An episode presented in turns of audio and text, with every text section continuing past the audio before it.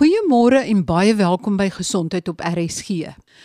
Vandag is die tweede episode in 'n kort reeks oor die nasionale gesondheidsversekeringsstelsel, juis omdat die wet dalk binnekort deur president Cyril Ramaphosa onderteken kan word om dan in werking gestel te word. Maar daar is groot kommer oor hierdie wet. Ek het verlede week gesels met Dr Caroline Corbett. Sy is die woordvoerder van die South African Health Practitioners Collaboration wat 25000 dokters en ander gesondheidslui verteenwoordig. Die enkele aspekte wat sy genoem het wat hulle baie bekommer oor die wetgewing is dat daar geen waarborg is dat daar kwaliteit gesondheidsdienste gelewer kan word nie. Daar is klinieke, maar baie klinieke is sonder medisyne, dokters of verpleegsters. Die voorskriftelikheid van die wet wat bepaal hoe 'n pasiënt behandel moet word en waar 'n dokter mag werk, die sentralisering van besluitneming, die groot kommer oor korrupsie en dat die nasionale gesondheidsversekeringsfonds net nog 'n melkkoei kan word en dan dat hierdie wetgewing onbekostigbaar is, ongrondwetlik en geen sin maak nie. En dit hou 'n baie groot bedreiging in vir pasiënte, dokters en die nasionale ekonomie. In hierdie tweede episode in hierdie reeks oor die nasionale gesondheidsversekeringsstelsel gesels ek weer met Dr Caroline Corbett. Dr Corbett, ek stel vir jou 'n scenario. Ek behoort aan 'n mediese fonds en op die oomblik kan ek my dokter kies na wie toe ek gaan en daarna kan ek saam met my dokter die spesialis kies na wie toe ek moet gaan as ek 'n spesialis nodig het. En dan kan ek ook afhangend van waar die spesialis werk tot 'n groot mate die hospitaal kies. Maar in die nuwe stelsel sal ek bloot moet gaan na die dokter wat in my area is en onder wie se gebied ek sorteer en dan na die spesialis in die area in wie se gebied ek sorteer en na die hospitaal in die area waaronder ek dan val kan dit dan 'n staatskliniek wees wat my eerste punt is waar ek moet aanmeld en 'n staatshospitaal waar ek dalk geopereer moet word. Is daar al duidelikheid hieroor? It's not particularly well outlined in the bill. What is outlined very clearly is is that it will be cost determined And what is outlined is, is that the certificate of need will be in place. So your favorite GP may no longer be issued a certificate of need in your area and may be told they have to practice outside. So definitely your choice is going to be affected and your constitutional right to choice of access to healthcare is going to be affected and these are these are some of the constitutional aspects that we are addressing in our petition and we believe need to be reviewed these restrictions of choice exist already in certain of the private medical aids. The funders, as we call them, or the medical aids do already limit choice according to your plan and certain designated service provider networks. But when you purchase your medical aid, you purchase what the bundle of care should look like. So, certain people can't necessarily go to certain facilities because they are not designated network providers. What we're going to see in national health is definitely not in line with that, though. So, I think a lot of people are, are thinking it's going to be the same because already their medical aid might dictate where they have to go. Their designated service provider network might now be the state. So there's absolutely no guarantee that freedom of direct access to healthcare as we see it now will exist. Dr Corbett, het julle al met president Cyril Ramaphosa hieroor gepraat of hoop julle om met hom te kan praat? We will be issuing the petition from the SAPC, South African Health Practitioners Collaboration. And we are hoping to have an audience with him, though I am aware that there are a number of stakeholders that are demanding an audience with him. And our petition specifically states that we are 100% available should His Excellency require any further information or clarification regarding any of the statements made in the media made in the submissions, the multiple submissions from all of our various associations. And we would really prefer to discuss it directly with him. Oorweeg julle enigstens regstappe indien Ramaphosa die wet onderteken? Absolutely. The devastating thing is is is that you're asking for people to self-fund. These are membership funds that we would be using to pay for the legal action, only to have the defense, which would come from government, being paid out of our tax money. So it's an extremely financially nonsensical approach to have to litigate your own government because they are not doing what you voted them in to do, which is serve a democracy and do what is in the best interests of their people. I think litigation is a devastating consequence of the NHI bill. But, but, but absolutely, we would. We have already engaged with attorneys. Op 12 Desember skryf Dr. Olive Shisana, 'n groot voorstander van die nasionale gesondheidsversekeringsstelsel in die Mail and Guardian, in 'n artikel en ek vertaal Ek beklemtoon dat bewyse suggereer dat die private sektor oneffektief is en onvolhoubaar is op die lang termyn en dat die nasionale gesondheidsversekeringsstelsel 'n koste-effektiewe oplossing is.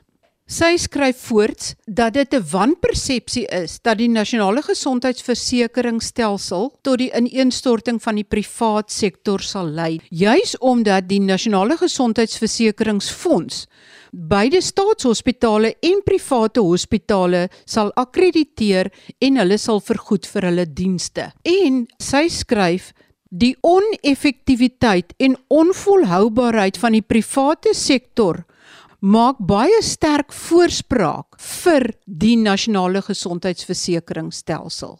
Dr Shisana maak dis 'n baie sterk saak uit in die artikel dat die private sektor eintlik nie kan voortgaan soos wat dit op die oomblik is nie en dat juis omdat die privaat sektor nie kan voortgaan nie 'n nasionale gesondheidsversekeringsstelsel die oplossing is. Wat is julle reaksie hierop? So It's a very interesting statement to make considering the collaboration between public private. In addition, it's a very interesting statement to make considering the right to access healthcare and a number of the constitutional infringements underlined in the bill relating to the private sector. And it's a very sad statement to make considering the health market inquiry that was implemented years ago, the findings of which were public access, have yet to be acted on. And some of those very, very clearly underlined what the issues were with the private healthcare sector and the health market inquiry recommendations to addressing costs.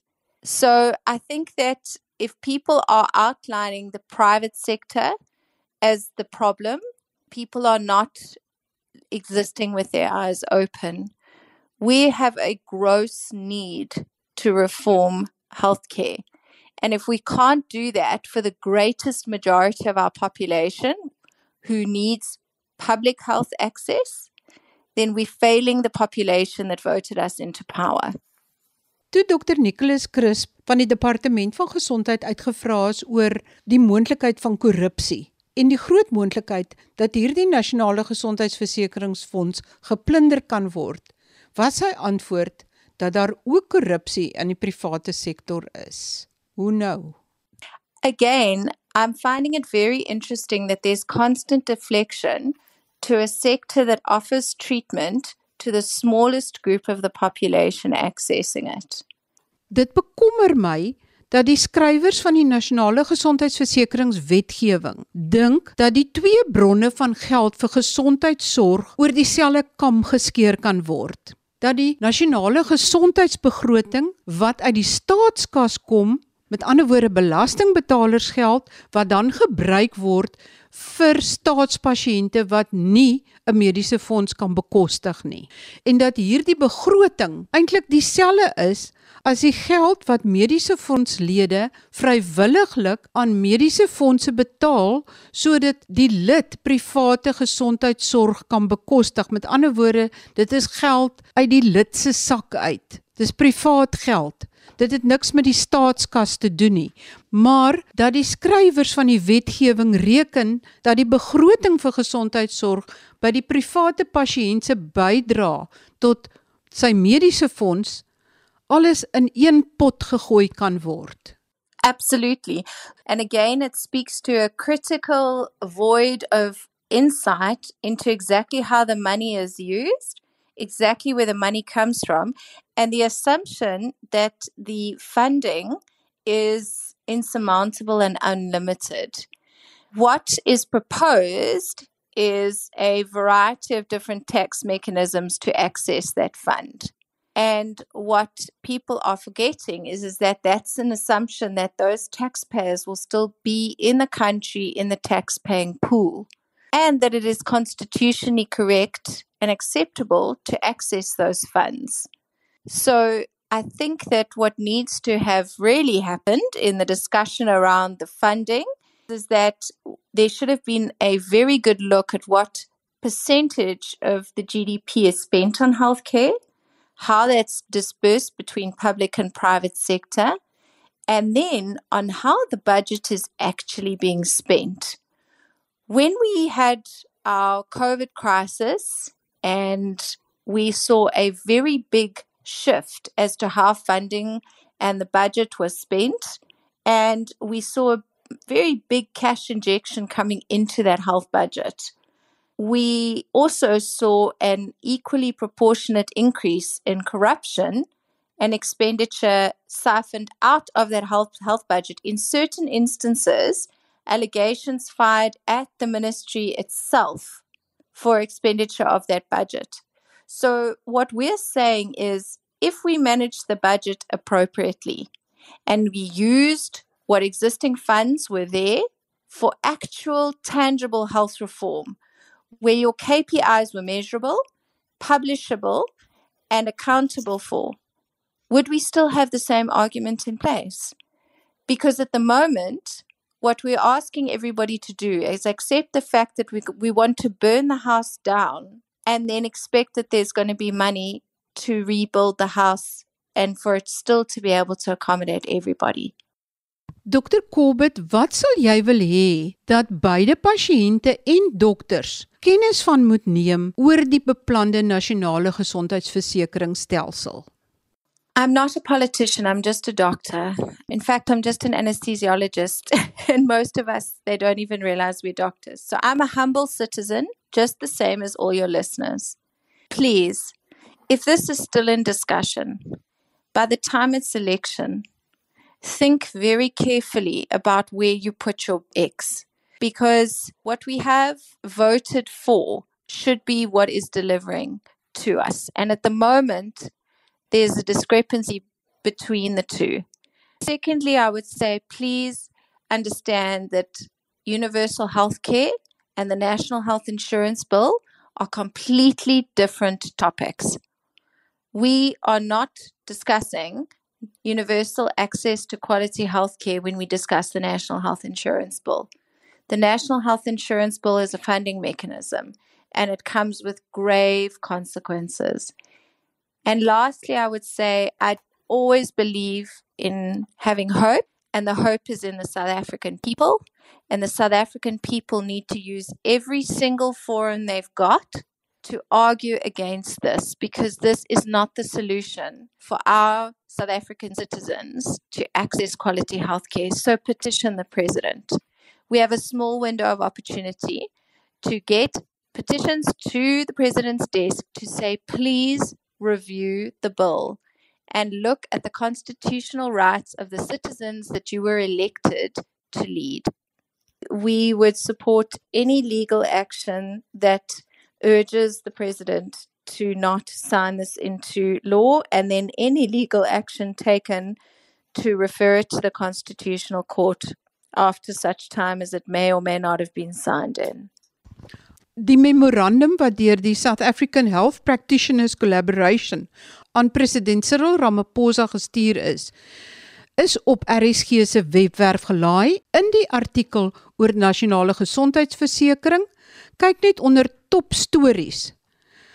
En dan baie dankie aan Dr Caroline Corbett, woordvoerder van die South African Health Practitioners Collaboration vir die standpunte wat sy namens die sowat 25000 gesondheidslui met ons gedeel het. Ek gesels nou met professor Alex van der Heever, gesondheidsekonoom verbonde aan Wits se bestuurskool. Hy is baie vertroud met die inhoud van die nasionale gesondheidsversekeringswetgewing en al die besprekings rondom hierdie wetgewing. Professor van der Heever, die South African Health Practitioners Collaboration het namens dokters groot kommer uitgespreek oor die beoogde nasionale gesondheidsversekeringswet.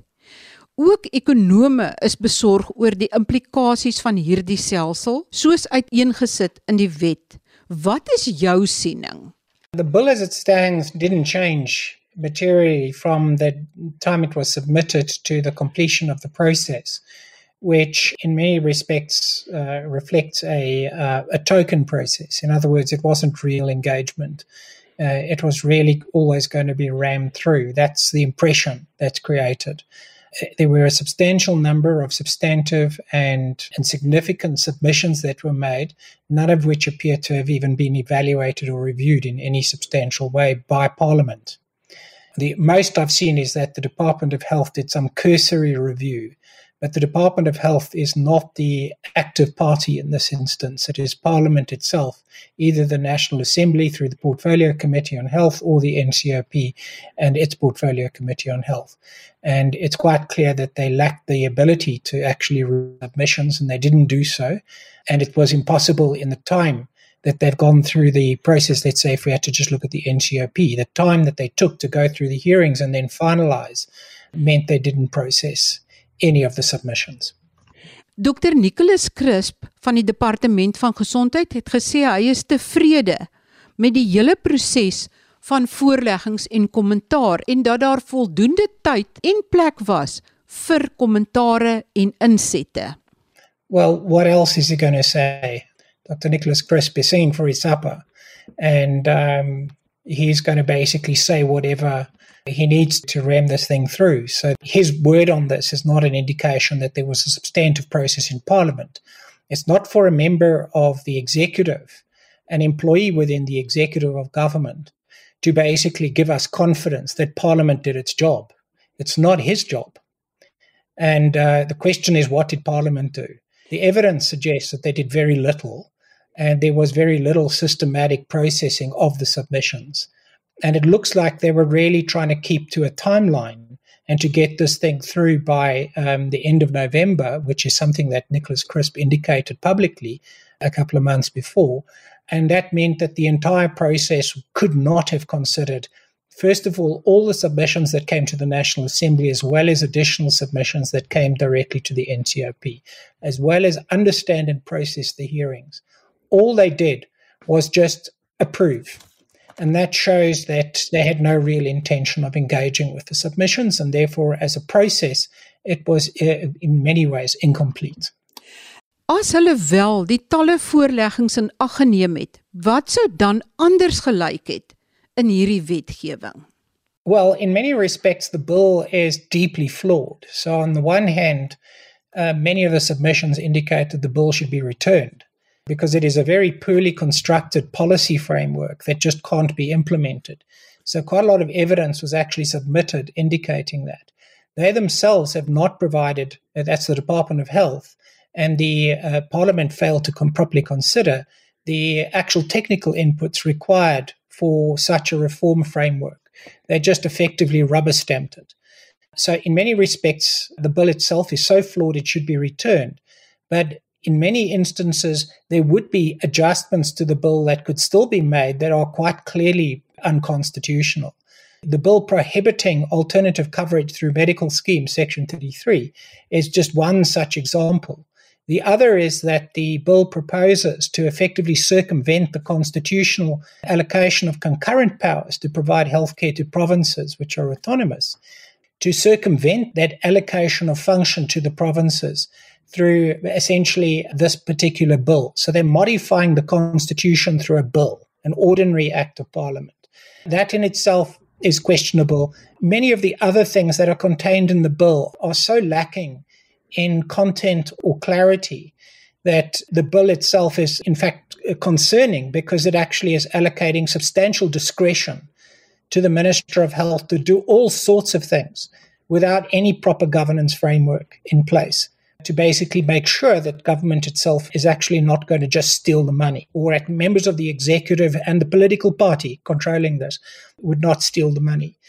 And what has been indicated in that respect is that they've constantly referred to the fact that there are sufficient governance mechanisms in government, such as the Public Finance Management Act and Parliament itself, to ensure that that doesn't happen. But quite clearly, we've seen with equivalent organizations to the one proposed and all sorts of, and a whole range of other public entities, that the Public Finance Management Act is no protection whatsoever when you've got what I would refer to as top down corruption, where in fact senior politicians and the political party is directly involved in, uh, in patronage politics and using such organizations for their own private purposes. And that, that aspect has not been cleaned out of the bill. And so there's massive risk associated with this proposal for South Africa, and um, any reasonable government wouldn't have given it proper consideration.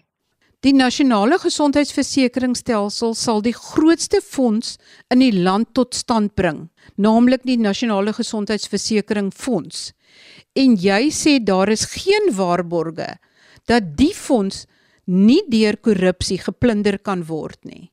That is correct. Where we've seen all those public entities that have a very significant procurement budget whether for capital expenditure or eh, purchasing consumables, etc. We've seen significant patronage forming around that. The vultures circle immediately. They don't circle the organizations that have small procurement budgets. So, health departments, basic education departments, infrastructure, energy, bulk water provision, which is, has a lot of capital expenditure, etc., etc., involve very significant corruption which what I would call from a top down level. In other words, there are political actors who are essentially establishing syndicates of extraction in the state.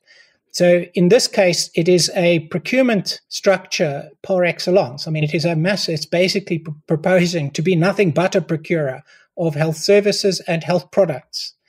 And in fact, what Nicholas Crisp has been setting up is he's proposed that they begin with a product procurement process and that they're going to give immediate priority to and it's questionable as to whether or not that will uh, actually be used for uh, uh, efficient purposes. There are not sufficient protections in government at the moment, the way it's operating, to ensure that there, this won't go to all sorts of funny companies and friends of politicians.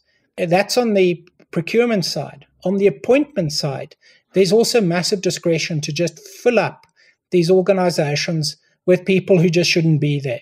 And this is what we've seen in all of the provinces. It's the reason that no services are working, why the municipalities have collapsed, um, why state owned enterprises have failed.